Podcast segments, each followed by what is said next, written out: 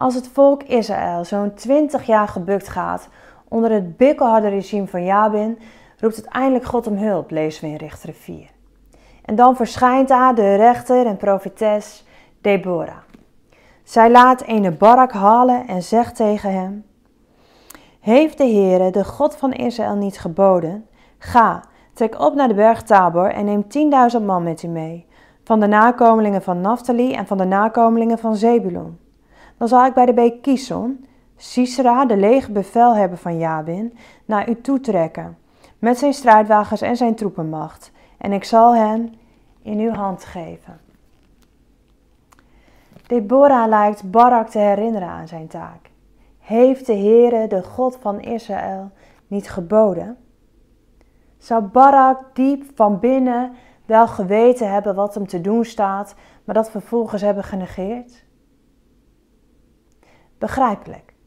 God vraagt Barak, iemand die nog nooit een militaire operatie heeft begeleid of een leger heeft aangevoerd, een idioot machtige vijand onder handen te gaan nemen. En Jabin beschikt over een absurd sterk leger en de meest gevreesde, krachtigste wapens uit die tijd. En dan moet Barak ook nog heel veel lui zo gek zien te krijgen om met hem mee te gaan. Gelukkig is de afloop bekend. Barak wint. En God laat zelfs weten op welke locatie. Maar Barak is niet enthousiast. Hij zegt: Deborah, deze klus wil ik alleen klaren als jij met me meegaat. Maar waarom heeft Barak Deborah nodig? En waar komt die angst en die twijfel vandaan om te gaan? God belooft toch dat het goed afloopt?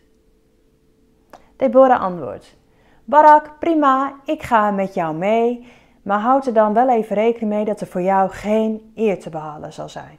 Want dan levert uh, God Sisra over in de hand van een vrouw. Maar ze staat op en ze gaat met Barak mee. En Barak weet vervolgens gek genoeg die 10.000 Sebulonieten en Naftalieten bijeen te krijgen. Dus daar staan ze dan. Daar boven op die berg. Barak, Deborah en een leger van 10.000 man. Klaar om Jabin en zijn bevelhebber Sisra tegemoet te treden. En dat terwijl Barak niet de eer toekomt. Oké, hij stelt eisen, maar hij gaat toch. Hij moet het zware werk doen en nu komt de eer niet hem, maar hoe super vernederend in die tijd, een vrouw toe. Waarom laat hij Deborah nou niet alsnog thuis?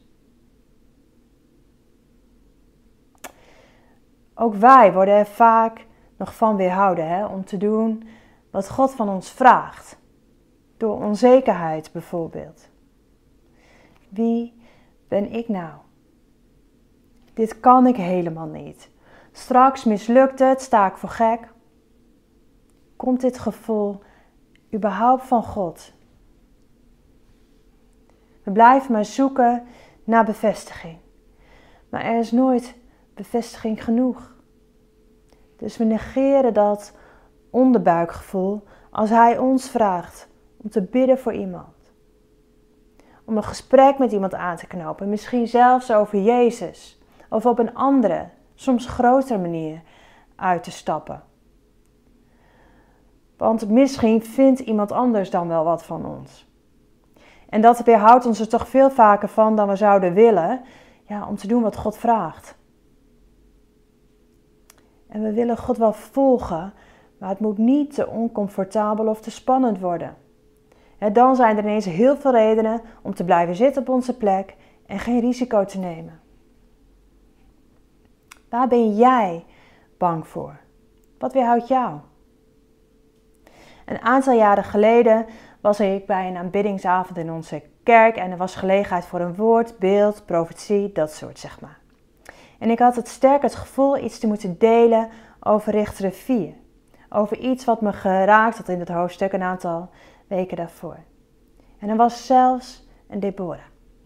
Iemand die zei: Paula, volgens mij heb jij wat te doen. Maar ik heb mijn snater stijf dichtgehouden. Ik durfde niet. En een nacht later lag ik wakker.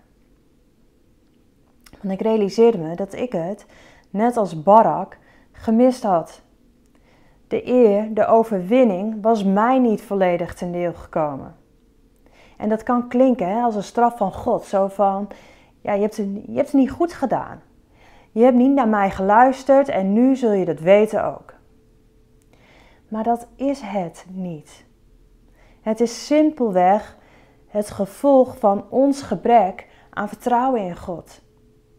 Omdat Barak niet volledig vertrouwde op God, kon God hem niet laten zien dat hij hem alles had gegeven. Zoals ik door het negeren van die opdracht heb gemist wat God door mij heen had willen doen. Hoe hij mij had meegenomen in de overwinning en had afgerekend met mijn persoonlijke vijanden. Waar heb jij het gemist? Of waar dreig jij het te missen? Vertrouwen is wel een dingetje. Loslaten, veiligheid, zekerheid overboord om iets te doen wat je eigenlijk niet durft of zelfs niet wilt. En het gaat nog wel gemakkelijk, dat vertrouwen, als het ook allemaal makkelijk is en, het, en de omstandigheden goed zijn. Maar wat als het moeilijk wordt? En misschien ben jij wel vol vertrouwen achter hem aangegaan. Maar alles gaat mis. Op financieel vlak, in relaties, of je dacht al lang mee te hebben afgerekend, maar je valt weer terug in oude patronen en oude zonden. En welke weg je ook inslaat, hij lijkt dood te lopen. Dus die opdracht van God. En je vertrouwen stel je op van alles en nog wat, maar steeds minder op Hem. Maar misschien moet jij wel bekennen dat, hij, dat je hem eigenlijk nog helemaal niet de kans hebt gegeven om zijn trouw aan jou te laten zien. Omdat je, als je heel eerlijk bent, moet bekennen dat je nog nooit het risico hebt genomen. Hoe is het met jouw vertrouwen? Maar dan is het zover. En Deborah zegt tegen Barak: Sta op, want dit is de dag waarop de Heere Sisra in uw hand gegeven heeft. Is de Heere niet uitgetrokken voor u uit? Toen daalde Barak van de berg af met 10.000 man achter zich. En God doet wat hij belooft. Hij zorgt voor een wolkbreuk en daardoor lopen de strijdwagens van Sisra vast in de modder bij de beek Kiesel. En als het leger van Barak vervolgens korte metten maakt met het leger van Jabin, zet Sisra het op een rennen. Hij vlucht, tot hij Jaël ziet. En Jaëls man Heber heeft partij gekozen voor Jabin. ook wel zo slim, de sterkere partij. Hij heeft een vredesverdrag gesloten. Dus bij Jaël waant Sisra zich veilig. En hij maakt dan ook graag gebruik van haar aanbod om te gaan schuilen in haar huis. Maar als Sisra vervolgens in slaap valt, bedenkt Jael zich niet en ze vermoordt hem. Barak, die te paard achter Sisra is aangegaan, komt ook aan. Hij is te laat. De eer komt toe aan Jael. Jaël staat op. En zij heeft de moed om haar veilige plek, haar comfort, haar huis te verlaten en de vijand recht in de ogen aan te kijken. En ze heeft niet de goedkeuring of bevestiging van anderen nodig, zelfs niet van haar man. En als jij twijfelt, laat je dan bevestigen door God en zijn wil. En zij is niet bang omdat de vijand zo machtig is en zoveel strijdwagens heeft. Omdat de enige God strijdt voor haar. En die God strijdt ook voor jou. Hij is al lang alles aan het voorbereiden. En ook als jij het niet ziet. Ook in dit verhaal hè, is niks logisch. En, en het lijkt onmogelijk. Maar God doet wat Hij belooft. Vertrouw op Hem. Sta op. Ga het aan en hij zal jou ook alle reden geven om hem te loven, zoals Barak en Deborah dat ook doen in hoofdstuk 5. Mis niet langer wat hij jou wil geven. En dan zul je zien dat jouw gehoorzaamheid tot vernietiging van je vijand heeft geleid. Want op een dag, als Jezus terugkomt, drukt de hand van de vijand niet langer op ons, maar drukt de hand van God, overwinnaar, op hen. En misschien voel jij je meer een Barak dan een Jaël.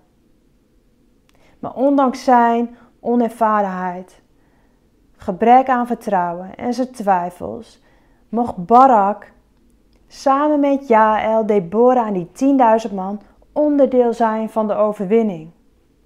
En God heeft ook een plek voor jou. En hij heeft ons een heel leger gegeven om samen mee te strijden. Elkaar. Dus dan nodig ik je uit. Sta op. Vandaag is de dag.